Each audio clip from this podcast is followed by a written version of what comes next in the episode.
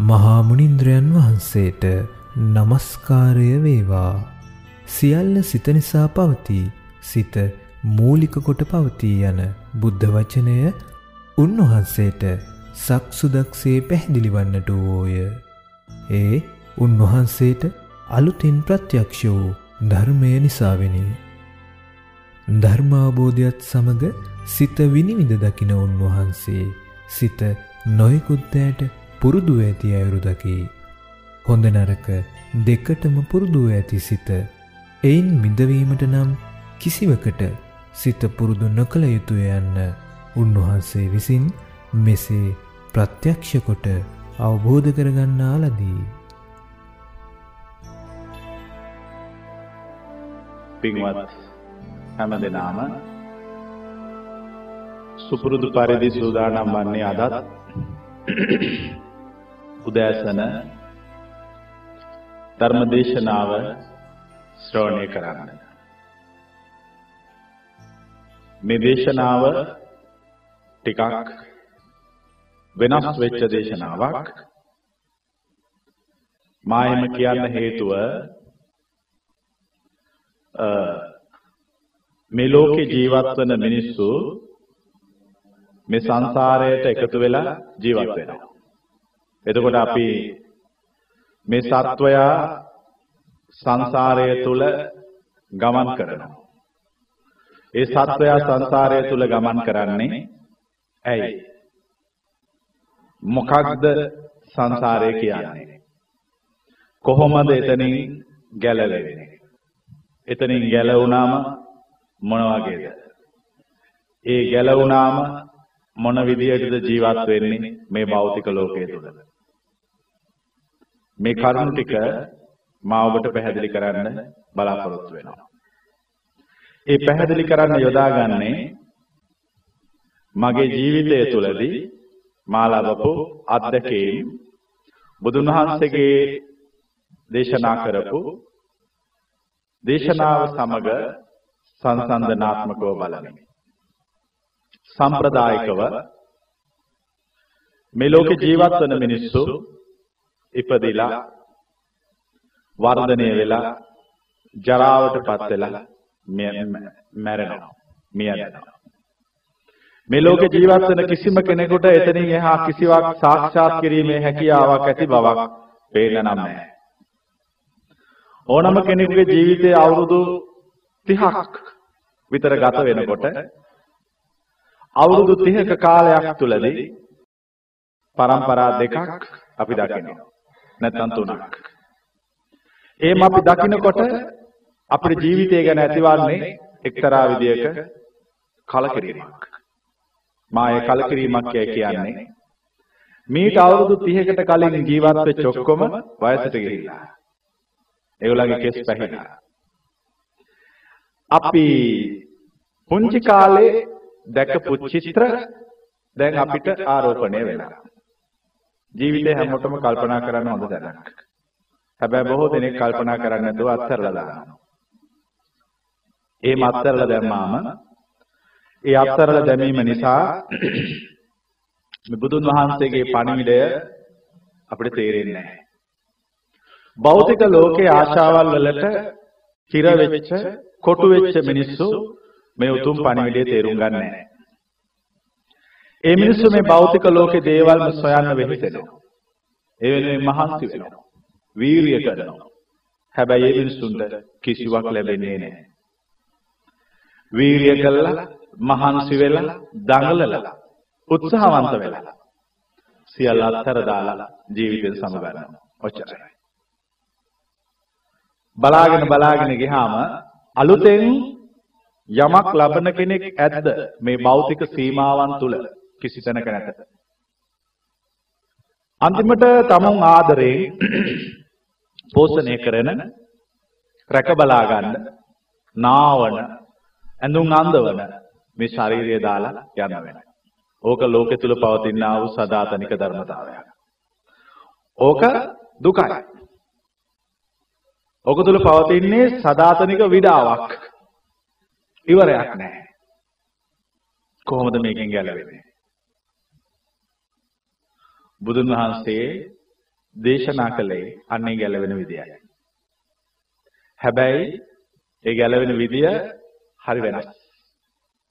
අපි මේ සම්ප්‍රදායික ලෝකයේ තුල අහලා තියෙන දේශනා තුල ඒ දේශනාවන්ගෙන් පැහැදිලි කරන ධර්මය අපි කළ බැලුවාම අපි ගැලවෙන්නේ නැහැ. ඒක අපි ඕන කෙනෙකුට පැහැදිලි. මමත් මගේ ජීවිතයේ අවුරුදු 30ක් 35ක්ම ඒ සම්ප්‍රදායිකව අපි පොත්පත් වලින් ඉගෙන ගත්ත දේශනාවල් තුල ගමන් කළා. ගමන් කළා. ඒ දේශනාවල් වල තියෙනවා හරියටම කළා බැලුවා. ඒත් බැලුවත් ඔය බුදුන් වහන්සේ කියපු පණිවිඩය අවබෝධ වුණේ නැහැ. මනුස්ස ජීවිතයේ කැපකිරීම කරන්නේ යමක් ලබා ගන්න. මේ ලෝකේ කිසිම මිනිස්සෙක් කිසිම කැපකිරීමක් කළොත් යමක් ලබා ගන්න. ඒක නොලැබුණොත් ඔහු කරන්නේ මොකක්ද? ඒ කරපු ක්‍රමය අත්හැරලා වෙන ක්‍රමයකට පිවිසෙනවා. ඕක ලෝකේ පහළ වෙච්ච සියලුම ශ්‍රේෂ්ඨත්වයට පත් වෙච්ච අය කළා. සිද්ධාර්ථ බෝධිසත්වයන් වහන්සේ ගුරුවරු සොයාගෙන ගියා. ඒ ගුරුවරුන් ඉගෙන ගත්තා. ඒගොල්ලෝ යම් යම් දේවල් එයාට ඉගෙනුවා. උන්වහන්සේ ධ්‍යාන සමාපatti ලබා ගත්තා. හැබැයි උන්වහන්සේට තේරුණා ධ්‍යාන සමාපatti ලැබුව පමණින් සංසාරයෙන් ගැලවීමක් පේන්නේ නැහැ කියලා. ඊට පස්සේ උන්වහන්සේ සියලු දෙනා අත්හැරියා. අත්හැරලා උන්වහන්සේ තනියෙන් ගවේෂණය කළා. කොකද්ද මේ සංසාරයෙන් ගැලවෙන විදිය? මෑත ඉතිහාසයේ මේ මානව ලෝකයේ තුල මේ මානව වංශ කතාවේ සංසාරයෙන් ගැලවීමේ පණිවිඩය ඊටාම පැහැදිලිව හා මුලින්ම දේශනා කළේ ගෞතම බුදුන් වහන්සේ. ඒ පණිවිඩයේ ශේෂයන් තවම පවතී. යා යුතු කල යුතු නොකල යුත්ත තවම බුද්ධ දේශනාව තුළ අන්තර්ගත වී ඇත. හැබැයි ඇති ප්‍රශ්නය හරීම පරිස්සමෙන් ඒක භාවිතා කොට බලන්න ඕන. පුරුදු කරන්න ඕන. මේ මුළු දේශනාව තුළම තියෙන පුරුදු කිරීමක්. අප පුරුදු කරනවා. අපිට හිත පුරුදු කරන්න වෙන්නේ හොඳ දේවල් වලට. අපි උපන්දා ඉඳන් හිත මොකට පුරුදු කරලා තියෙන නිසා. නරක දේවල් වලට පුරුදු කරලා තියෙන නිසා. හිත නරක දේවල් වලට පුරුදු කරපු මිනිසෙක් ඊට පස්සේ කල්පනා කරනවා දැන් සංසාර විමුක්තියටපත් වෙන්න ඕන නම් මම දැන් නොකරපු දෙයක් කරන්න ඕන. නොකරපු දේ මොකද්ද? හිත හොඳ දේවල් වලට පුරුදු කිරීම. ඊට පස්සේ මේ මිනිස්සයා කාලයක් තිස්සේ හිත යහපත් වූ දේවල් වලට පුරුදු කරලා බලනවා. හුඟා ඥානය වැඩි කෙනෙකුට තේරෙනවා මේ හිත යහපත් වූ දේවල් වලට පුරුදු කරගෙන පුරුදු කරගෙන යනකොට ආයි වෙලා තියෙන්නේ අර නරක දේවල් වලට පුරුදු කරා වගේම එකක්. ඒ කියන්නේ හිත තවත් පුරුද්දකට පුරුදු වෙලා. දැන් මම ඔබෙන් අහන ප්‍රශ්නය. ගැලවේද සංසාරේ? නැත. මොකක්ද එතකොට දැන් අපි භාවනාව කියන්නේ පුරුදු කිරීම. මම මට දැනුණා මට තේරුණා දැන් අපි භාවනාව කියලා මොනවා හරි ටිකක් පුරුදු කරගන්නවා අපේ ජීවිතේ. අපි ඒ ටික කරනවා. හැබැයි අපි දෙක කිරීම අවසානයේ මොකක්ද අපිට ලැබෙ යුතු? විමුක්තිය ලැබෙ යුතුයි. ඔය තියෙන සියලු භාවනා ක්‍රම කළා බැලුවා විමුක්තියක් නැහැ. ඒ කියන්නේ හොඳ පුරුදු වුණ පමණින් විමුක්තිය ලැබෙන්නේ නැහැ. ඊට පස්සේ මට තේරුණා මේ සිත හරි අමතුයි. මම දැන් පුරුදු කරන්න ඕන කිසිවකට පුරුදු නොවි ඉන්න ක්‍රමයක්. මං කියන එක තේරෙනවද? සිත කිසිම දෙයකට පුරුදු වෙන්න දෙන්න එපා. දැන් මෙතෙක් කලක් සංසාරයේ ඔබ කළේ මොකද්ද? සිත එක එක දේවල් වලට පුරුදු කළා. සිත කිසිම පුරුද්දකට අහු වෙන්න දෙන්නේ නැතුව මධ්‍යයේ තබාගෙන හිටියාම මේ අන්ත දෙකෙන් ගැලවෙන්න පුළුවන් කියලා මට තේරුණා. මට නෙමෙයි ඔක ලෝකෙ මුලින්ම තේරුනේ ගෞතම බුදුන් වහන්සේට. හැබැයි වෙලා තියෙන ප්‍රශ්නය ඊටාම පැහැදිලිව මේ දේශනාව අපිට කියවලා තේරුම් අරගෙන කරන්න බැරි එකයි. එතකොට මේක කරනකොට මේක කළා බලනකොට සමහර වෙලාවට මේ පොත්වල තියෙන ඒ විදිහටම වෙන්නේ නැහැ. ඊට වඩා වෙනස් විදිහට දැනෙන්න පටන් ගත්තා. එතකොට මට සැක හිතුණා දැන් මම මේ දේශනාව පුරුදු කරගෙන යනවා හිත. මේ පුරුදු කරගෙනකොට මේ දැනෙන දේවල් හරි දේවල්ද වැරදි දේවල්ද කියලා සොයන්න ඕන වුණා. මම ඒතර ගවේෂණය කළා. බුදුන් වහන්සේගේ දේශනා කියෙව්වා. කියනකොට මට තේරුණා සිත පුරුදු කරන කෙනෙක් සියලු පුරුදු වලින් නිදහස් වීම සඳහා අත්තර දෙමිය යුතු බව අන්ත දෙක උන්වහන්සේ දේශනා කළා. ලෝකේ හැමතැනම අන්ත දෙකක් තියෙනවා. දැන් අපි මෙතෙක් කලක් පොත්පත් වලින් කියවල ඉගෙනගෙන තියෙන්නේ කාමසුකල්ලිකාන යෝගයයි අත්තකිලමතාන යෝගය කියලා අන්ත දෙකක් පමණයි. නමුත් ඒක වචන දෙකක් විතරයි. අන්ත දෙක ගැන කරපු ගැඹුරු විග්‍රහයක් නෙමෙයි. ඊට පස්සේ මට තේරුණා මේ ලෝකේ හැමතැනම අන්ත දෙකක් ඇති බව. දැන් අපි උදාහරණයක් අරගන්නවා. කෑම කන්න යනවා. දැන් ඒතර අපි කෑම කනවා. කෑම කාලා බඩ පිරෙනවා. දැන් අපිට බඩ පිරුණාම එක්තරා විදිහක සන්තෝෂයක් හා වේදනාවක් දෙකම තියෙනවා. නැද්ද? බඩ පිරීමේ සන්තෝෂය හා බඩ පිරුණාම ඇතිවෙන බර දෙකක් තියෙනවා. ඊට පස්සේ අපි කෑම නොකා ඉඳලා බලනවා. එතකොටත් අපිට දෙකක් තියෙනවා. කෑම නැතිකම මේ සැහැල්ලුව හා කුසගිනි වේදනාව. බලන්න මේ කොයි පැත්තට ගිහිලා වැටුණත් විඳවීමක් පමණයි. ඊට පස්සේ මම මට හිතුණා මේ කෑම නොකා ඉඳලා බලන්න ඕන. මොකද ජීවිතේ හැමෝම කෑම කාලේ ඉඳලා පුරුදු කරලා තිබුණේ. ඊට පස්සේ කෑම නොකා ඉඳලා බැලුණා බැලුවා මට තේරුණා මේ දෙකකුත් තියෙන බව. දැන් මට තේරුණා මම කෑම කෑවත් නොකෑවත් නෙමෙයි ප්‍රශ්නය. කෑම නොකෑම පිළිබඳ අල්ලා ගැනීම. මේ සිතින් අහක් කරන්න ඕන. සිතින් ඉවත් කරලා දාන්න ඕන. මේ සිතින් නිදහස් කරලා දාන්න ඕන. මේම කොහොමද මේක නිදහස් කරන්නේ? නිදහස් කරන්න එක ක්‍රමයක් ඇති බව මට තේරුණා. ඒ ක්‍රමය නම් කෑම කෑමේ උමනාවත් නොකෑමේ උමනාවත් දෙකමත් අරින්න ඕන. කිසිම දවසක මට තේරුණා එකක් අත්තරින්න බැරි බව. එකක් අත්තරින්න බෑ. මොකද එකක් අත්තරියොත් වෙන්නේ තව පැත්තක තව අන්තයක් තියෙනවා. ඒ නිසා අන්ත දෙක එකවර අත්තර දෙමිය යුතුයි. දැන් අපි මේ භෞතික ලෝකේ විවිධ දේවල් දකිනවා. අපි එතකොට ඒ දේවල් විඳිනවා. අපි විඳලා මතක තියාගන්නවා. මතක තියාගෙන අපි ප්‍රාර්ථනා කරනවා මේ විඳපු දැකපු දේවල් නැවත නැවත ජීවිතේ ලැබිය යුතුය කියලා. ඊට පස්සේ අපි ඇස් දෙක වහ ගන්නවා. එතකොට අපිට ලොකු සැහැල්ලුවක් දැනෙනවා.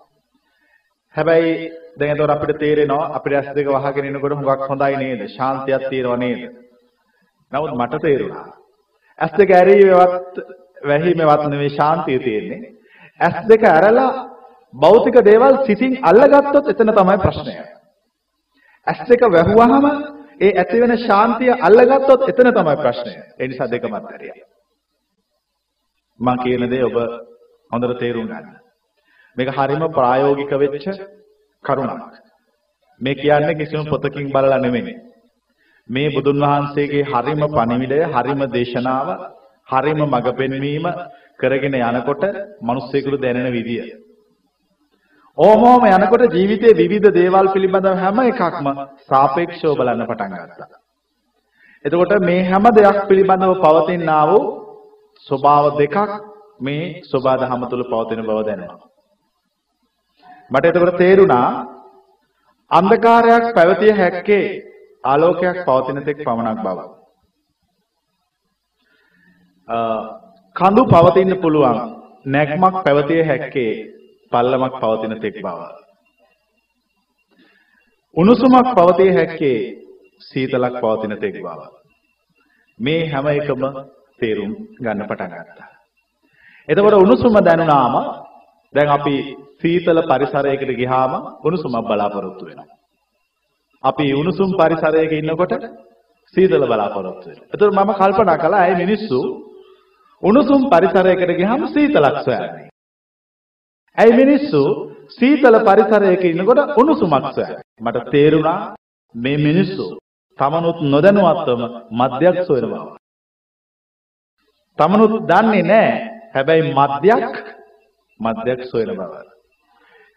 ඒක මම සංසන්දනය කළා බුදුන් වහන්සේගේ දේශනාවත් එක්ක. මට එතකොට උන්වහන්සේ කියපු දේශනාව තේරෙන්න පටන් ගත්තා. දැන් බලන්න මේ හරිම ප්‍රායෝගිකයි මේ එදිනෙදා ජීවිතය තුළ මිනිස්සු කරන දේවල් දිහා බලන් ඉඳලා ඒ දේවල් මේ දේශනාව එක්ක සංසන්දනය කර කර බලලා මේ රහස මේ මනුස්ස ලෝකේ හැංගිලා තියෙන රහසක් මිනිස්යා පිළිබඳව සබාධම පිළිබඳව ඒ රහස තේරුම් ගන්න උත්සාහගත විදිය දැන් මේ දේශනාව ඇහුවාම ඔබත් කල යුත්තේ කොහොමද මේ මා කියන දේශනාව හොඳට කල්පනා කරලා බලන්න කල්පනා කළා විතරක් මදි මේක පුරුදු කරන්න එතකොට මොකක්ද ඇත්තටම පුරුදු කරන්න තියෙන්නේ ඈ කිසිම පුරුද්දකට අසු නොවි සිටින්න බලන්න කොච්චර නිදහස්ද කියලා. ඒ තමයි සංසාර විමුක්තිය. කිසිම පුරුද්දක් නැතිකම. කිසිවකට ආශාවක් නැතිකම. කිසිවකට ලොල් බවක් නැතිකම. කිසිවක් ප්‍රාර්ථනා නොකිරීම. කිසිවක් ලැබෙන්න ඕනේ කියා නොසිතීම. කිසිවක් පසුපස හඹාගෙන දුවන්නේ නැතිකම. තේරෙන්නේ නැද්ද ওই වචන ටික කිව්වහම? ඒ වචන ඇතුළෙම මහා පුදුමාකාර ශාන්තියක් ඇති බව. කිසිවකට ලොල් නොවීම. මම ඔබෙන් අහන ප්‍රශ්නය. ඔබ ලොල් බව නිසා ඔබ තුල පවතින ආශාව නිසා ඔබ යම් යම් දේවල් මේ ලෝකෙ තුල දැක්කහම ඒ දේවල් විශේෂයෙන් බලන්න පෙළඹෙනවා. එතකොට මේ දේවල් දිහා හැරිලා බලනවා. එතකොට මේ දේවල් නැවත බලන්න ඕනේ කියලා ඔබට තේරෙනවා. සිත දියුණු වෙගෙන යනකොට ලොල් බව නැති වෙනකොට නැවත බැලීමේ අවශ්‍යතාවය ඉවත් වෙලා යනවා. ඔබ යම් යම් නාද සංගීත නාද වෙනත් නාද ඕපදූප විවිධ දේවල් ශ්‍රවණය කරනවා. ඒව නැවත නැවත ඇහෙන්න ඕනේ කියලා ඔබ හිතනවා. එතකොට ඒවට කන් යොමනවා. ඒවා සොයමින් යනවා. ඒ හැම එකක් තුළම තියෙන්නේ බරක් විඩාවක් කියලා තේරෙන්නේ තේරෙන නිසා ඒව අත්හැරලා දානවා. කෙනෙක් මේ සියලු භෞතික ලෝකයට ඇති ලොල් බව අත්හැරියාම මේ භෞතික ලෝකයට ඇති ආශාව අත්හැරියාම නිදහස් තත්ත්වයටපත් වෙනවා. ඔක තමයි ලෝකෙට පහළ වෙන හැම බුදු කෙනෙක්ම පැහැදිලි කරන්නේ. ලොල් බව ආශාව අත්හැරලා දානවා.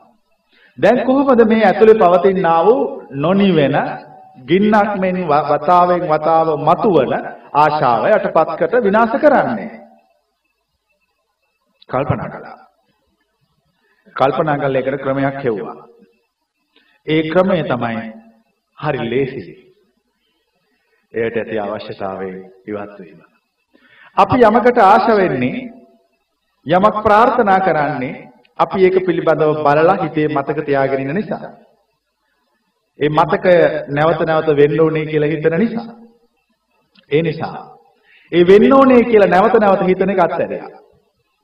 නැවත නැවත බලලා සන්තෝෂ වෙන්න ඕන කියන අදහස අදහසෙන් අයින් වුණා. මොකද සන්තෝෂ වීමක් තුල අනිත් පැත්තේ මොකද්ද පවතින්නේ? දුක් වීමක් තියෙන නිසා. බලන්න හැම පැත්තෙම දෙකක් තියෙන මේ මේ අන්ත දෙක අත්හැරියා. හරි නිදහස්. එතකොට ජීවිතය කිසි බරක් දැනෙන්නේ නැහැ. කිසි දෙයක් අල්ලගන්න හිතෙන්නේ නැහැ. කිසිවක් පස්සේ හඹාගෙන යන්න හිතෙන්නේ නැහැ. හරියට මහා ගලක් මේ මහා මහා මුහුද මේ මහා පෘථුවිය මේ නිශ්චල භාවයටපත් වෙනවා. කිසිවක අවශ්‍යතාවයක් නැති නිසා. හා ඇති බව හා නැති බව නැති කළ නිසා. මට තේරුණා මෙන්න මේ විදිහට දෙක දෙක අයින් කළා දාන්න ඕන කියලා හැම එකකම. ඕම ඕම ඕම අයින් කරගෙන අයින් කරගෙන අයින් කරගෙන ගියා. ඒතර හරි නිදහසක් ඔළුවට දැනුණා. හිත නිදහස් වෙන බව තේරුණා. ජීවිතයේ එක වතාවක් ඔබ යමක් සිතින් අත්හරින්න. එක වතාවක් ජීවිතයේ අත්හැරලා ඒ අත්හැරීමේ සන්තෝෂය මතක තියාගන්න. ඔබට දෙවෙනි වතාව සිතෙන්නේ කොහොමද? තව දෙයක් අත්හරින්න. ඒ අත්හැරීම තුලින් ලැබෙන ශාන්තිය නිසා. ඒ අත්හැරීම තුලින් ලැබෙන සහනය නිසා. දැන් මේ අත්හැරීම කෙලෙසද කළ යුතු වන්නේ සම්ප්‍රදායිකව ලෝකේ ජීවත් වෙන මිනිස්සු මා දැකලා තිබුණා. විවිධ තැන්වල ඉන්න අය, සීල් සමාදන් වෙලා ඉන්න අය, භාවනා කරන අය අත්හැරීම කියලා භෞතික දේවල් වලින් ඉවත් වීමක්. මම එතකොට කල්පනා කළා මිනිස්සෙක් භෞතික දේවල් වලින් ඉවත් වූ පමණින් අත්හැරීමක් වෙනවාද? බුදුන් වහන්සේගේ දේශනාවක් මට මතක් වුණා. ඒ තමයි මිගජාල සූත්‍රය. මිගජාල භික්ෂුවට බුදුන් වහන්සේ කරන දේශනාව මිගජාල කෙනෙකුට අත්හරින්න ඕනේ කියලා සියලු භෞතික සම්පත් අතහැරලා දාලා සියල්ල අයින් වෙලා ඔහු වනාන්තරයට ගිහිල්ලා ජීවත් වෙනවා පරණ මතක හේවත් තණ්හාව එක්ක. මිගජාල මම කියනවා ඔහු තනි වෙච්ච කෙනෙක් අත්තරිය කෙනෙක් නෙවෙයි. ඔහු ළඟ දෙවන්නේක් ඉන්නවා. සහායකයෙක්. කවුද ඔහු ළඟ ඉන්න සහායකයා? දෙවන්න. තණ්හාවයි. මිගජාල කෙනෙකුට අත්තරින්න ඕනේ කියලා සියලු භෞතික සම්පත් ඇති තැනක කිසිම භෞතික ඌවකට මානසිකව බැඳෙන්නේ නැතුව මානසිකව ප්‍රාර්ථනා කරන්නේ නැතුව මානසිකව අල්ලා ගන්නේ නැතුව ඒ දේවල් ඒ තැන්වල තියෙන්න අරිනවා.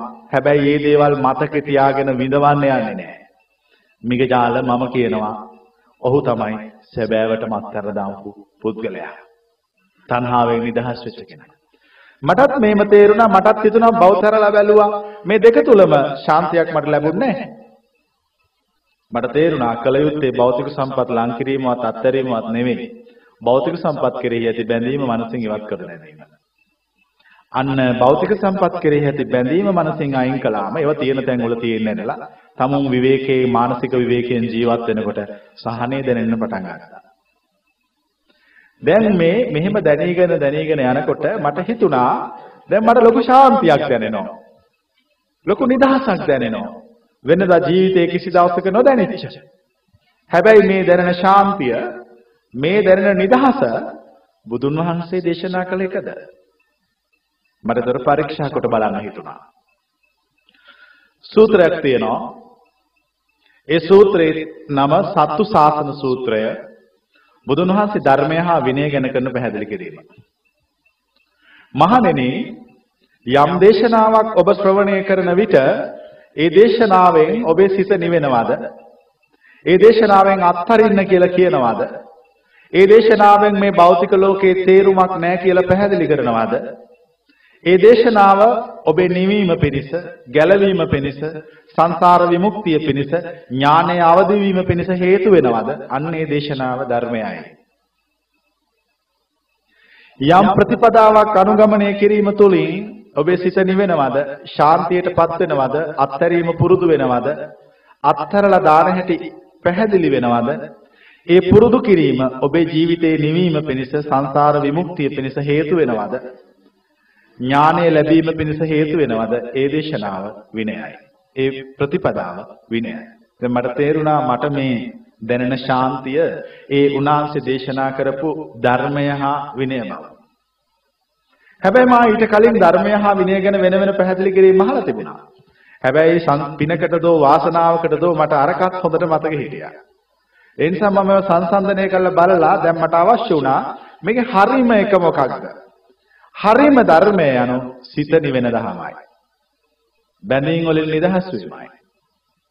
සියලු බැඳීම් අත්හැර දැමීමයි. කිසිවක් ප්‍රාර්ථනා නොකර සිටීමයි. කිසිවක් බලාපොරොත්තු නොවීමයි. කිසි කෙනෙකුගෙන් කිසිවක් බලාපොරොත්තු වෙන්නේ නැහැ. අඩුම තරමේ තමුන්ගෙන්වත් තමුන්ගේ ශරීරයෙන්වත් කිසිවක් බලාපොරොත්තු වෙන්නේ නැහැ. අවබෝධය ලැබුවෙක් යනෝ ඒ අවබෝධය ලැබූ කෙනා තුළ දෙකක් පවතිනවා. සිත හා කය. එතකොට ඔවුන් කරන්නේ මොකද්ද? ඔවුන්ගේ සිත හුඟක් දියුණු වෙලා තියෙන්නේ. සිත කොච්චර දියුණු වෙලාද කියලා කියනවනම් කයෙන් කිසි දෙයක් බලාපොරොත්තු වෙන්නේ නැහැ. හිතන්න කොච්චර නිදහස්ද කියලා. සිත හුඟක් දියුණු කලයින් පස්සේ තමුන්ගේම ශරීරයෙන්වත් කිසිම දෙයක් බලාපොරොත්තු වෙන්නේ නැහැ. අත ඉස්සුවාම අත ඉස්සෙන්න ඕනේ කියලා බලාපොරොත්තු වෙන්නේ නෑ. ඒක tamunට අයිති එකක් නෙවෙයි. ඒක මේ භෞතික ලෝකයේ ශරීරයට අයිති එකක්. බලන්න මිනිස්සු අත උස්සන්න ගිහිල්ලා අත උස්ස ගන්න බැරි වුණාම කොච්චර විඳවනවද? මිනිස්සු ඇවිදින්න ගිහිල්ලා ඇවිද ගන්න බැරි වුණාම කොච්චර විඳවනවද?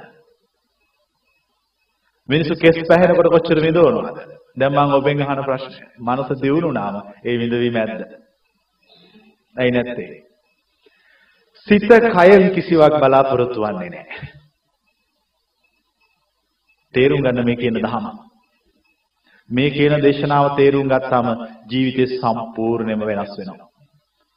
සම්පූර්ණයෙන්ම වෙනස් වෙනවා. මේ දේශනාවේ කොතනින් ගත්තත් එකම එක පණිවිඩයක් තියෙනවා. සියල්ල මනසින් අත්හැර දාන්න. සියල්ල මනසින් අත්හැර දාන්න. බුදුන් වහන්සේ ආලවක යක්ෂයා සොයාගෙන ගිහිල්ලා අලාව්‍යකුට දේශනා කළා. අලාව්‍යකු දමනය කළා. මෙල්ල කළා. මෙල්ල කළ ඉවරුණායින් පස්සේ අලාව්‍යකු බුදුන් වහන්සේගෙන් ප්‍රශ්න ඇහුවා. ප්‍රශ්න අහලා අන්තිම හරිය ප්‍රශ්නයක් ඇහුවා.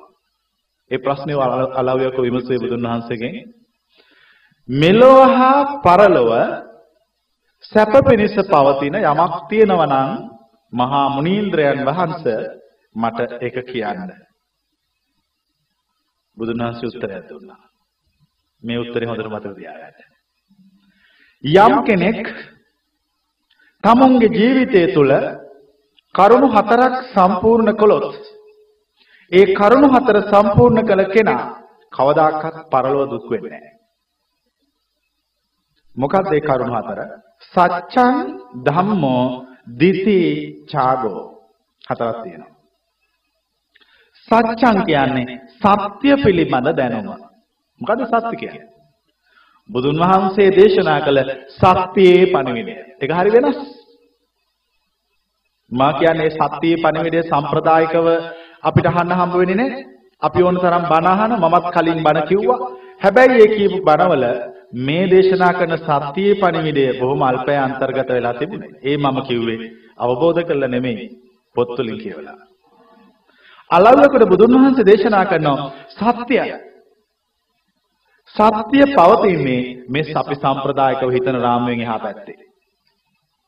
ලෝකේ ඇත්තම ඇත්ත එකම සත්‍ය. ලෝකේ සත්‍ය දෙකක් නැහැ.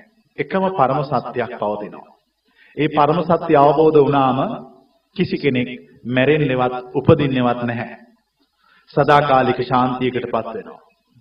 ඒ සදාකාලික ශාන්තියට තමයි අපි කියන්නේ සම්මුති ලෝකෙන් මරණයෙන් පස්සේ ලබන පරිණිරවාණය.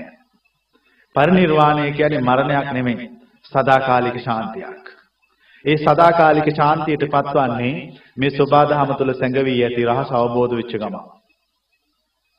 පළවෙනි එක තමයි සත්‍ය. සත්‍ය කියන්නේ ලෝකේ පවතින ආ වූ එකම පරම සත්‍යය. ඒ සත්‍ය තේරුම් ගන්නවා. ඒ සත්‍ය පුරුදු කරනවා. ඒ සත්‍ය පුරුදු කරන කෙනෙක් අත්‍යවශ්‍යයෙන් කළ යුතු එකක් තමයි බොරු නොකිය සිටීම. කිසිම බොරු කියන්නෙකුට පරම සත්‍යයේ පණිවිඩය ඇතුල් වන්නේ නැහැ.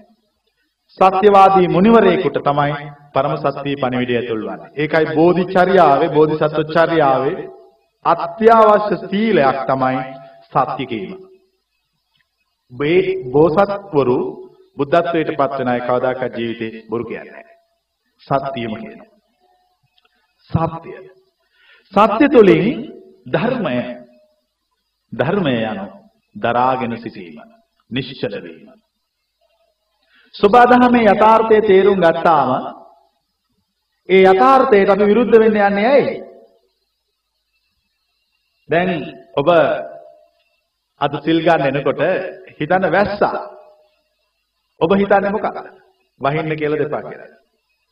ඈ එපා කියලා කියනවා. ඒ තමුන්ට සිල් ගන්න තියෙන හැඟීම කැමැත්ත බලාපොරොත්තු වෙරසා. නමුත් එපා කියලා කිව්වට වැස්සනව දෙනවද? ඈ ඒතෝ රේත් වහිනවා. ඒත් එපා කියනවා. දැන් වැස්ස එක හැප්පෙන්න හදනවා. අත්තරලා දානවා හැප්පෙන එක. වැස්සට වැස්සේ පාඩුවේ වහින්න දෙන්න. පෑවුමට පෑවුමේ පාඩුවේ ඉන්න දෙන්න. සෝබාදහමට සෝබාදහමේ පාඩුවේ තියෙන්න දෙන්න. ඔබ නිදහස ජීවත් වෙන්න. අන්න එතකොට සිතට පුදුමාකාර සැනසෙල්ලක් ශාන්තියක් දැනෙනවා. ධර්මය යනෝ කිසිවක්කට කලබල නොවි නිශ්චල වී ඉවසීම තුළින් මුහුණ දීම තුළින් අත්දැකීම් වලට මුහුණ දීම තුළින් අභියෝග වලට මුහුණ දීම තුළින් ජීවිතය නිශ්චල කර ගැනීමයි. මෙහෙම ජීවිතයේ නිශ්චලභාවයට පත් වේගෙන පත් වේගෙන යනකොට ඊළඟට එකක් හම්බෙන එක තමයි දිති. දිති කියන්නේ ඉවසීම තුළින් ලැබූ ඥානයයි. ඉවසීම තුළින් ලැබපු ඥානය තමයි දිටි කියලා කියන්නේ. දැන් කරුණු කීයක් කිව්වද? කරුණු තුනයි. සත්‍ය, ධර්මය, ඉවසීම තුළින් ලැබූ ඥානය. දැන් කෙනෙක් සත්‍යයේ පණිවිඩය යම් තරමකට අහලා තියෙනවා. දැන් මේ දේශනාව අහලා හරි මේ ලෝකේ මේ භෞතික දකින සීමාවෙන් අපිට ඇහැට පේන කනට ඇහෙන සීමාවෙන් එහා යමක් තියෙයි කියලා ඔබ පිළිගත්තොත් ඔබට හිතුනොත් ඒ ගැන සොයන්න ගවේෂණය කරන්න. එතකොට ඔබට ඒක හම්බ වෙයි. මා ඔබට කියන්නේ අපිට මේ පෙනෙන දැනෙන සීමාවෙන් එහා භෞතික වූවක් පවතිනවා. අපිට මේ භෞතික වූට සිත ගමන් කරවන්න පුළුවන්. සිත යොදවන්න පුළුවන්. යොදවලා බලන්න පුළුවන්. පරීක්ෂා කරන්න පුළුවන්. ඒක එකම එක ස්වභාවයක්. ඒ ස්වභාවය කිසිම හේතුවක් නිසා වෙනස් නොවන කිසිම භෞතික ඌවකින් නොහැදිච්ච ස්වභාවයක්. මේ දේශනාව ටිකක් ගැඹුරුයි. ඒකනේ බුදුන් වහන්සේ දේශනා කළේ පඤ්ඤාවන්තෝ අයන් ධම්මෝ නායන් ධම්මෝ දුප්පඤ්ඤස්ස. මේක තේරෙන්නේ ඥානවන්ත අයට පමණයි. මේක මෝඩයන්ට සම්ප්‍රදායවල් ගිලගෙන සම්ප්‍රදායවල් කරේ තියාගෙන ඉන්න අඥානයන්ට මේ දේශනාව කවදාකවත් තේරෙන්නේ නැහැ.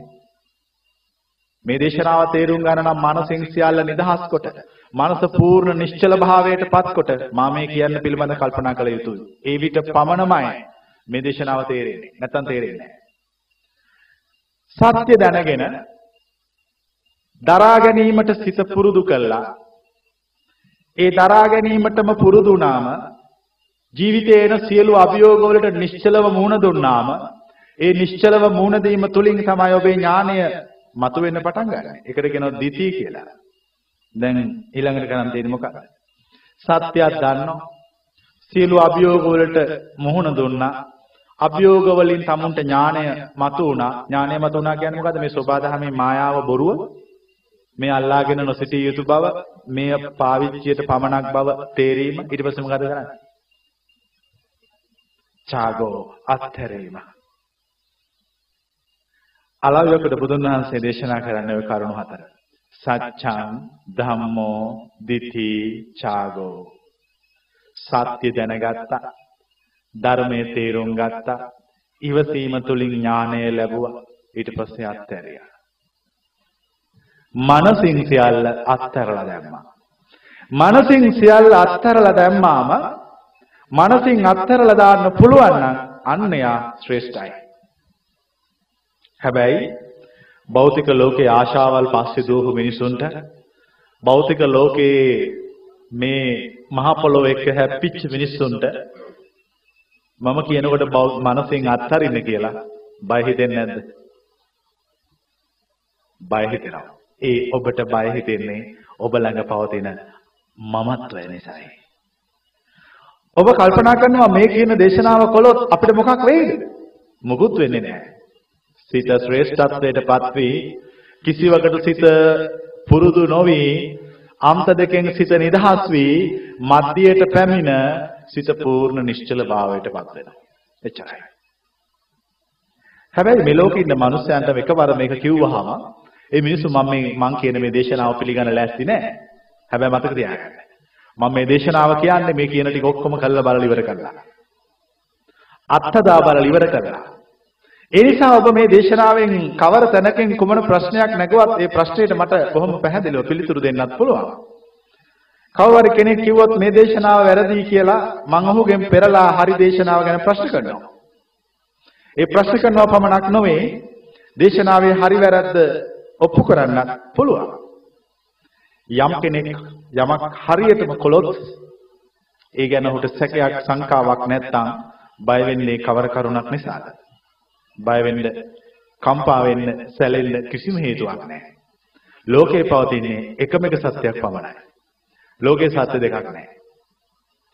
මෙන්න මෙහෙම හිත පුරුදු වේගෙන පුරුදු වේගෙන පුරුදු වේගෙන යනකොට තමයි සියල්ල මනසින් අත්හැර දැමීම තුළින් අන්ත දෙකෙන් නිදහස් වෙනවා.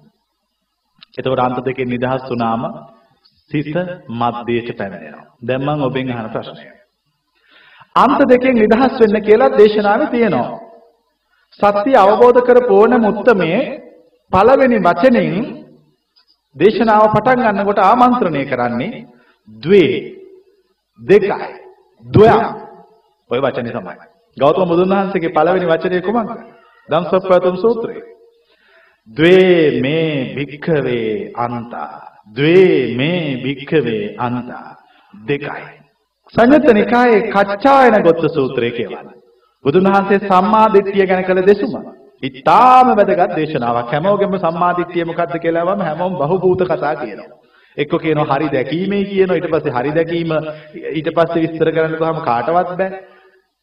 ඒ අපි කොහොමද අපේ ජීවිතය දෙක බද්ධ කරන්න කියලා වා මේ උත්තර දෙන්න දන්නෙත් නැහැ. බලන්න හරීම බුදුන් වහන්සේගේ දේශනාව කියවන්න.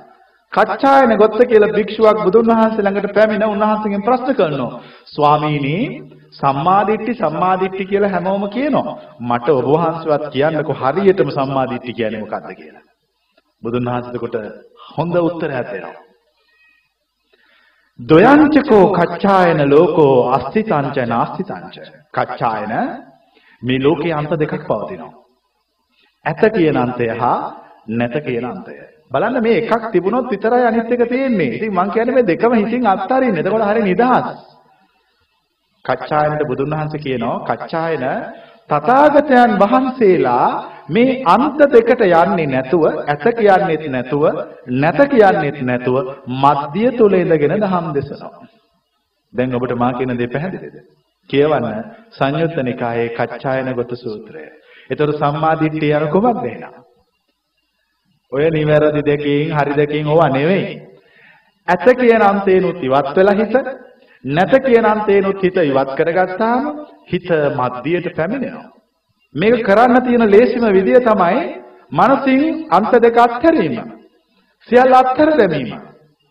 සියල්ල අත්හැර දැම්මාම තමයි නියම නිවැරදි සම්මාදිට්ඨිය ඔබ තුල පහළවන්නේ. දැන් ඔන්න කිව්වා අන්ත දෙක අත්හරින්න කච්චායනට කිව්වා මධ්‍යයට පැමිණෙන්න. දැන් මම ඔබෙන් අහන ප්‍රශ්නය. දැන් අපි මධ්‍යයට ආවා. දැන් අපි මධ්‍යයේ ඉන්නවා. අපිට මධ්‍යයක් ගැන කතා කරන්න පුළුවන් කුමක් තියෙන කන්ද? හ්ම් අපි මධ්‍යයේ ඉන්නවා කියන්නේ දෙපැත්තේ අන්ත දෙකක්. මම ඔබෙන් අහන ප්‍රශ්නය. ඕකද සංසාර විමුක්තිය? නැත. දුමරද්ද ගන්න එපා. ඕක නෙමෙයි සංසාර විමුක්තිය. ඔබ මධ්‍යයේ සිටිනවා කියන්නේ කොයි වෙලේක හරි හිත අර පැත්තට යන්න පුළුවන්. එක්ක ඇත කියන යන් ඇත කියන පැත්තට ගිහිලා සිත අල්ල ගන්න පුළුවන් යමක්. නැත්තම් නැත කියන පැත්තට ගිහිලා සිත යමක් අල්ල ගන්න පුළුවන්. එතකොට ඔබට දැනෙන්නේ ආයෙත් අර පරණ විඩාව. දැන් විඩාව දැනලා තියෙනෝනේ හොඳට ජීවිතේ ඇත කියලා හරි නැත කියලා හරි අල්ලගෙන. දැන් මම මධ්‍යයට එන්න කිව්වා. මධ්‍ය තුල කිසිම සිතුවිල්ලක් නැහැ. හරේ නිදහස්. හැබැයි මධ්‍යය තුල ඉන්න විට ඔබට තේරෙනවා මධ්‍යය තුල සිටින බව. ඒම තමා ඔබ තුල පවතිනා වූ සිටිවිලි පරම්පරාව. ඔබට කරන්න පුළුවන් විමුක්තිය වෙනුවෙන් ඔච්චරයි. ඔබ ඔබේ ජීවිතය තුළ එකම එක දෙයක් පුරුදු කරන්න. මොකද්ද? මධ්‍යයට පැමිණීම. සිත මධ්‍යයේ පැවති පවත්වාගෙන සිටින්න. සිත මධ්‍ය තුල යන්න දෙන්න. ඕම සිත පුරුදු වෙනකොට ඔබත් නොදන්නා වෙලාවක සිත මධ්‍යයෙන් නිදහස් වෙනවා. ඒ තමයි සංසාර විමුක්තිය. සිත මධ්‍යයෙන් නිදහස් වෙච්ච ගමන් ඊළඟ ක්ෂණයෙහි ඔබ නැවත මධ්‍යයට පැමිණෙනවා. දැන් මම ඔබට කිව්වා සිත මධ්‍යයෙන් නිදහස් වෙන බව. සිත මධ්‍යයෙන් නිදහස් වෙච්ච ගමන් සක්කාය දිට්ඨිය කඩා වැටෙනවා. සිත මධ්‍යයෙන් නිදහස් වෙච්ච ගමන් ඔබට තේරෙනවා මම නැති බව. මම කියන එක සිහිනයක් බව. සිත මැදයෙන් නිදහස් වෙච්ච ගමන් ඔබට තේරෙනවා මේ භෞතික ලෝකේ සිහිනයක් බව. සිත මැදයෙන් නිදහස් වෙච්ච ගමන් ඔබට තේරෙනවා මා කෙරෙහි බලාපොරොත්තු නොතැබිය යුතු බව. සිත මැදයට පැමිණිච්ච ගමන් ඔබට තේරෙනවා භෞතික ලෝකයේ අපේක්ෂා නොකළ යුතු බව. දැන් ඔබ යම් තත්වයකටපත් වී ඇත. කොහොමද? ඕකට කියනවා ශ්‍රෝතාපන්න භාවය. ඔන්න ඔය தത്വයට පත්වීමයි ශ්‍රෝතාපන්න භාවය. ශ්‍රෝතාපන්න භාවය යනු මධ්‍ය නොව මධ්‍ය තුලින් සිත නිදහස් කළ විට ලෝකයේ තුල පවතිනා වූ මේ භෞතික ලෝකයේ තුල ඇති මායාව අවබෝධ වෙනවා. සිහිනය තේරෙනවා. එතකොට ඔබට තේරෙනවා ඔබ එක්තරා සිහිනයක සිටින බව. මේ භෞතික ලෝකේ මිනිස්සු එක එක දේවල් සොයමින් දුවනවා. කලිනුත් ඔබත් දිව්වා. දැන් මොකද හිතෙන්නේ? හ්ම්. දැන් විඩාවක් තේරෙනවා. දන්නව අන්තිමට මේ මිනිස්සු කිසිවක් සාක්ෂාත් කරන්නේ නැහැ. මේ මිනිස්සුන්ගේ ජීවිතේ කිසිම දෙයක් ලැබෙන්නේ නැහැ. නිකාම් වයසක වල මැරෙලා යනවා. මධ්‍ය තේරුම් ගත්ත කෙනාට අර සුද්ධ භාවය අවබෝධ වෙලා. මොකද්ද සුද්ධ භාවය යනවා? නිබ්බහන. කිසිවක් නැතිකම හෝ ඇතිකම හෝ නැතිකම හෝ දෙකම නැතිකම නිබ්බාන තුල කිසිවක් නැත. වචනෙන් කිව හැකි. හා කර පෙන්විය හැකි. හෝ සිටිය හැකි. කිසිවක් ගැන කතා කරන්න බෑ. නිබ්බාන කියන ස්වභාවය ගැන වචන කියන්න බෑ. නිබ්බාන කියන ස්වභාවය වචන වලින් සිතුවිලි වලින් එහාට ගිය මනෝභාවයක්. ඔය සිත මධ්‍යයෙන් නිදහස් වෙච්ච ගමන් නිබ්බාන ස්වභාවය සාක්ෂාත් වෙනවා. ඒකයි අට කතාවේ තියෙන උපමාවක් සෝතාපන්න භාවයට පත්වෙච්ච ආර්ය ශ්‍රාවකයා නිවන දකින්නේ මොකක් වගේ කියලාද? මාසේ පෝය කළුවර ඇති රාත්‍රියක රත්තරන් වාජනයක් එළියේ තිබ්බාම අකුණක් ගසන විට මොකද වෙන්නේ? රන් බඳුන පෙනී නොපෙනී යන. ඒ උපමාව හරියටම හරි. ඒ උපමාව ලියලා තියෙන්නේ මේ ධර්මය අවබෝධ කරපු කෙනෙක්. සෝතාපන්න භාවයට පත්වෙච්ච ආර්ය ශ්‍රාවකයාගේ පරම සත්‍ය හේවත් නිර්වාණය පිළිබඳ අවබෝධය ඔන්න ඔය ආකාරයි. මම මේ කියන එක පරීක්ෂා කරලා බලන්න. මේ දහම අහලා ඉවත් කරන දහමක් නෙවෙයි. දැන් වෙනද බණ ඇහුවා වගේ අහලා අමතක කරලා දාන්න එපා හරිම අපරාධයක්. මේක තමයි ලෝකේ තියෙන එකම පරම සත්‍යයේ පණිවිඩය. මීට වඩා ලෝකේ පරම සත්‍යයක් නැහැ. ලෝකේ සත්‍ය දෙකක් නැහැ. එකම එක සත්‍යයට යන්න පුළුවන් විදිය. ඔය විදිය යන්න, ඔය පාරේ ගමන් කරන්න. ඔය පාරේ යනකොට ඔබට තේරෙවි මා කියනවා හරි බව. ඔබ ඔය පාරේ නොයා මා කියන එක හරි කියන්නවත් වැරදි කියන්නවත් යන්න එපා දෙකම වැරදි. ඔය පාරේ යන්න. ඔය සිත මධ්‍යයට කරපත් කරගන්න. මහා අමාරුවෙන් මේක කරන්න මොකක්වත් නැහැ. වනාන්තරගත වෙලා කරන්න දෙයක් නැහැ. මහාන වෙලා කරන්න දෙයක්වත් නැහැ. පිණ්ඩපාත ගිහිලා කරන්න දෙයක්වත් නැහැ. සෙරෙප්පු නදා ඉඳලා කරන්න දෙයක්වත් නැහැ. මුදල් අල්ලන්න නැතුව ඉඳලා කරන්න දෙයක්වත් නැහැ. කිසිම දෙයක් නැහැ. එකම එක දෙයක් ඇත. සිත මධ්‍යයට ගැනීම පමණයි. gedara වැඩ කරන ගමන් සිත මධ්‍යය තියාගෙන ඉන්න. කිසි දෙයකට නොබැඳෙන්න. කිසිවක් ප්‍රාර්ථනා නොකරන්න. කිසිවක් අපේක්ෂා නොකරන්න. කාමයන් කෙරෙහි ඇති අපේක්ෂාව කඩා දාන්න. සිත පස්සේ දුවන්නේ පරණ මතකය තියෙන නිසා. ඒ පරණ මතකය අපට බරක්. තේරෙන්නේ නැද්ද කියන එක?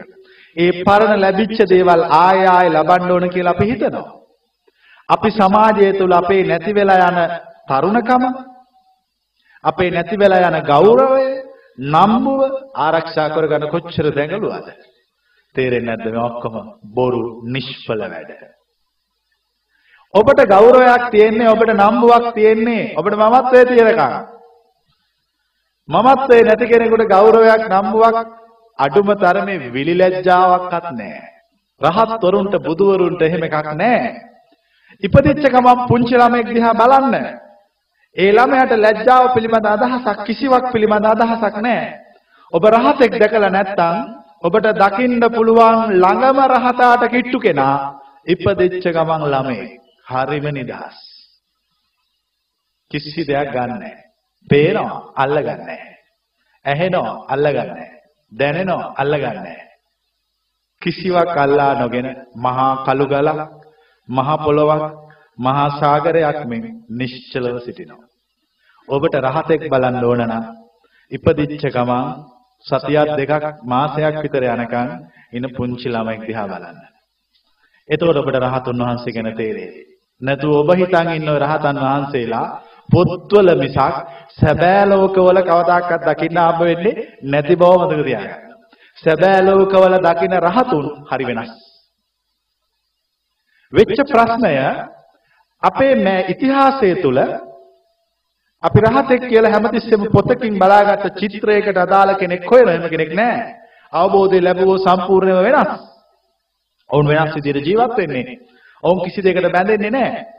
ඔවුන් කිසි කෙනෙකුට කිසි දෙයක් බලාපොරොත්තු වෙන්නේ නැහැ. බලාපොරොත්තු නොවෙන්නේත් නැහැ. කිසි දෙකම නැහැ. ඔවුන් බලාපොරොත්තු වෙන්නේ නිදහස් පමණයි. මානසික විවේකයේ පමණයි.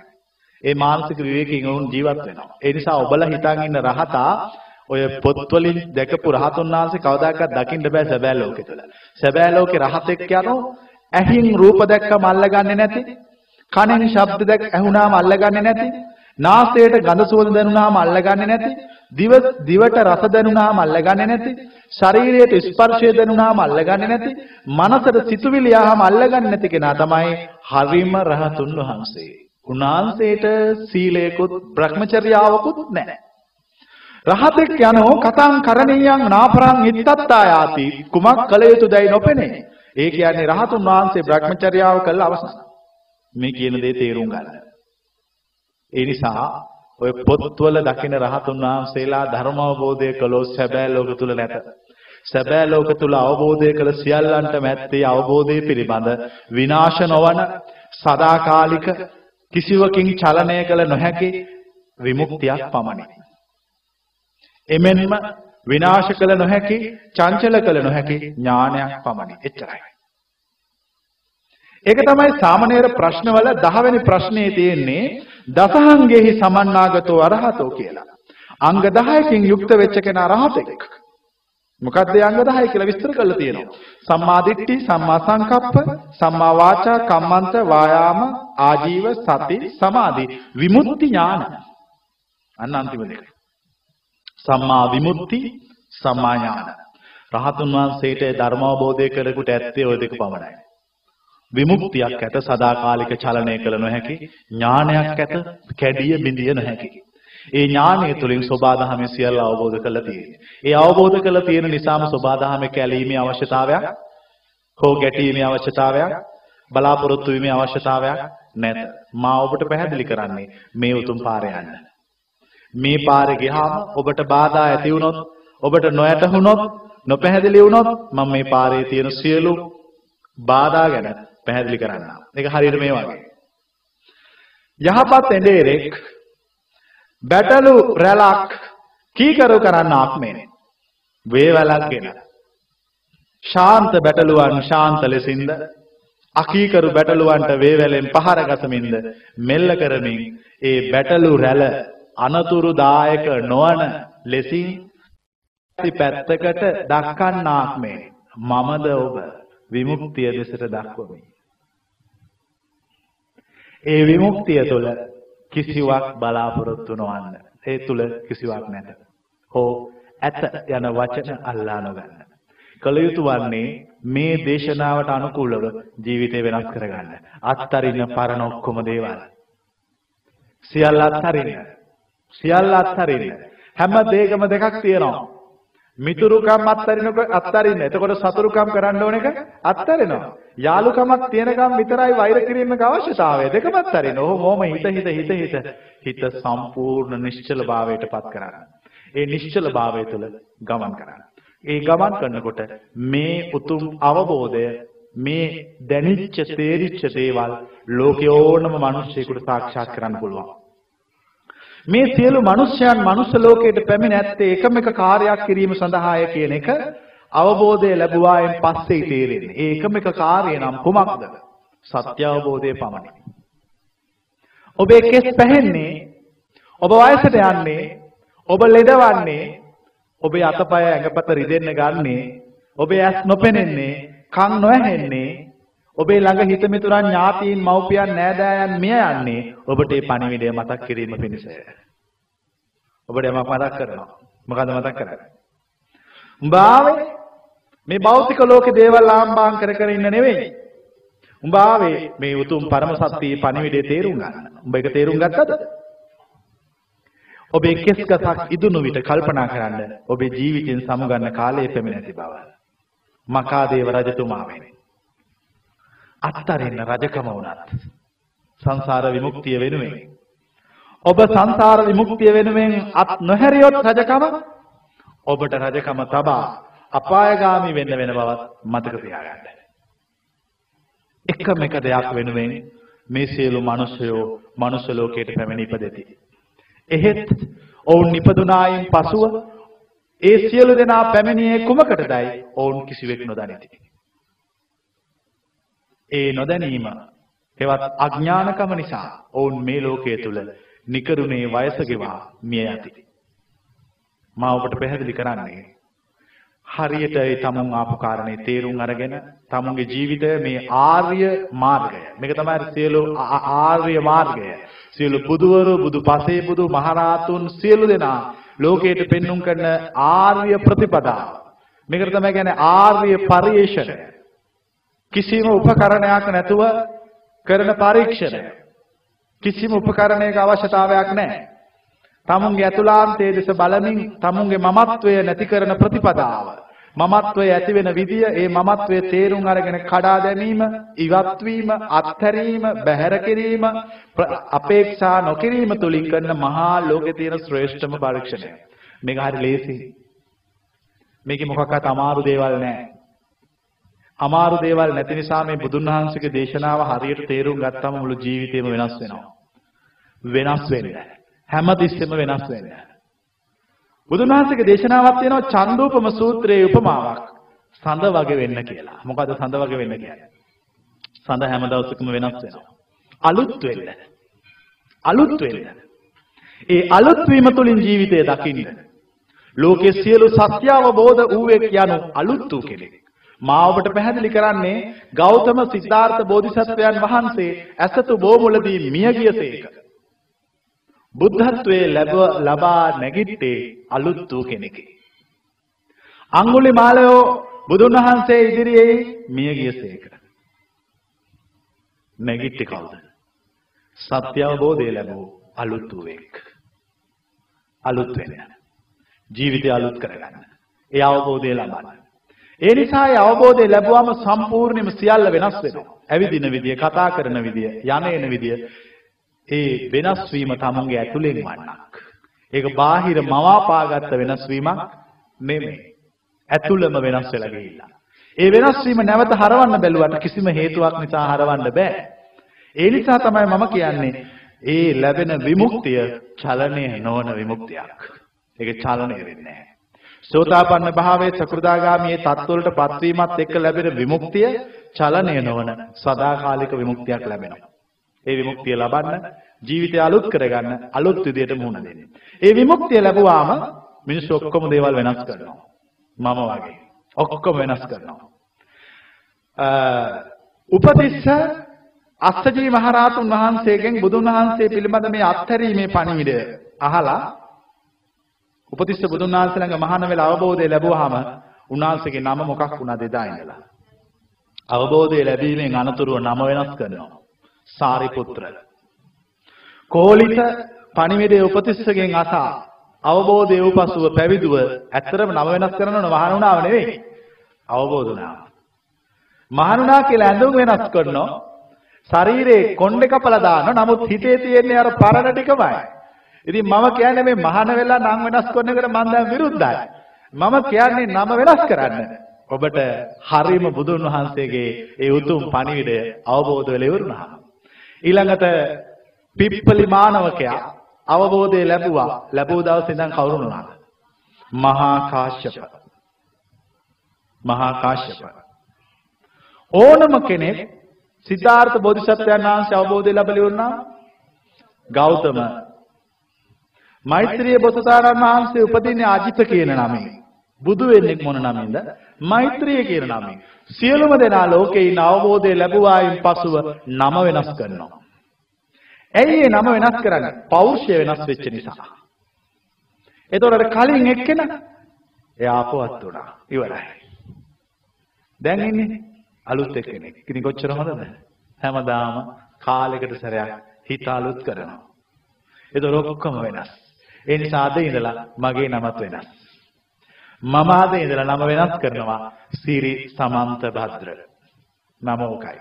දැන් කලින් කිව්වේ පිටිදුවේ සිරි ධම්මනේ අද ඉඳලා සිරි සමන්ත භද්‍ර කියන නම පාවිච්චි කරනවා. ඕනම කෙනෙක් ලෝකේ තමුන්ගේ අවබෝධය වෙනස් වුනහම පෞරුෂය වෙනස් වෙනවා. එතකොට ඒ පෞරුෂය වෙනස් වුනාම තමුන් කතා කරන හිතන කියන සියල්ල වෙනස් වෙනවා. ඒ නිසා තමයි නම වෙනස් කරන්නේ. ඉතින් ඒක ලෝකයේ ඕනම කෙනෙක් කරන එක. ඒ නිසා හැම කෙනෙක්ම මේව තේරුම් ගන්න. මම කියන්නේ අපිට නම වෙනස් කරගන්න කියලා නෙවෙයි ඉස්සෙල්ලා අවබෝධය ලබන්න.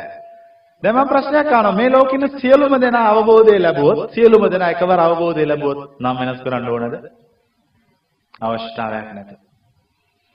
ලෝකයේ තියෙන ලෝකේ ජීවත් වන සියලු මිනිසුන් එකවර බුදුන් වහන්සේගේ පණිවිඩය අවබෝධ කොට අවසන් වුණොත් ඊළඟ මොහොතේ උන්වහන්සේලා සියලු දෙනාම එතනම පරිනිර්වාණයටපත් වෙනවා.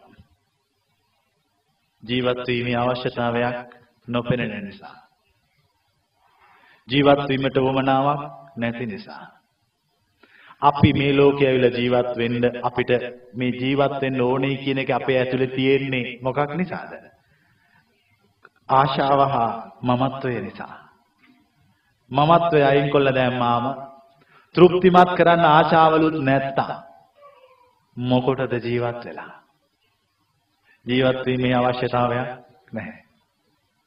ඒ නිසා මේ බුදුන් වහන්සේ දේශනා කළ හරිම පණිවිඩයේ තේරුම් අරගෙන මේ හරිම පණිවිඩයට ජීවිතය එකතු කරගෙන මේ හරිම පණිවිඩය ඔස්සේ සසර දුක නිවා ගන්න සිතුවිලි නැති කරගන්න කියලා මම ඔබට මතක් කරනවා. මේ උතුම් පණිවිඩය මේ මනුස්ස ලෝකයේ තුල ලැබිච්ච මේ පුංචි කාලයේදී පුරුදු කළා.